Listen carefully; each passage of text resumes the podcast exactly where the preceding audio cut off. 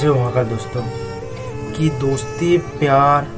और रिश्ते उसी से हमेशा करना, कि दोस्ती, प्यार और रिश्ते उसी से हमेशा करना, जो हँसी के पीछे दर्द और गुस्सा के पीछे का प्यार समझ सके और मौन के पीछे का वजह जान सके, हमेशा उसी से दोस्ती करना।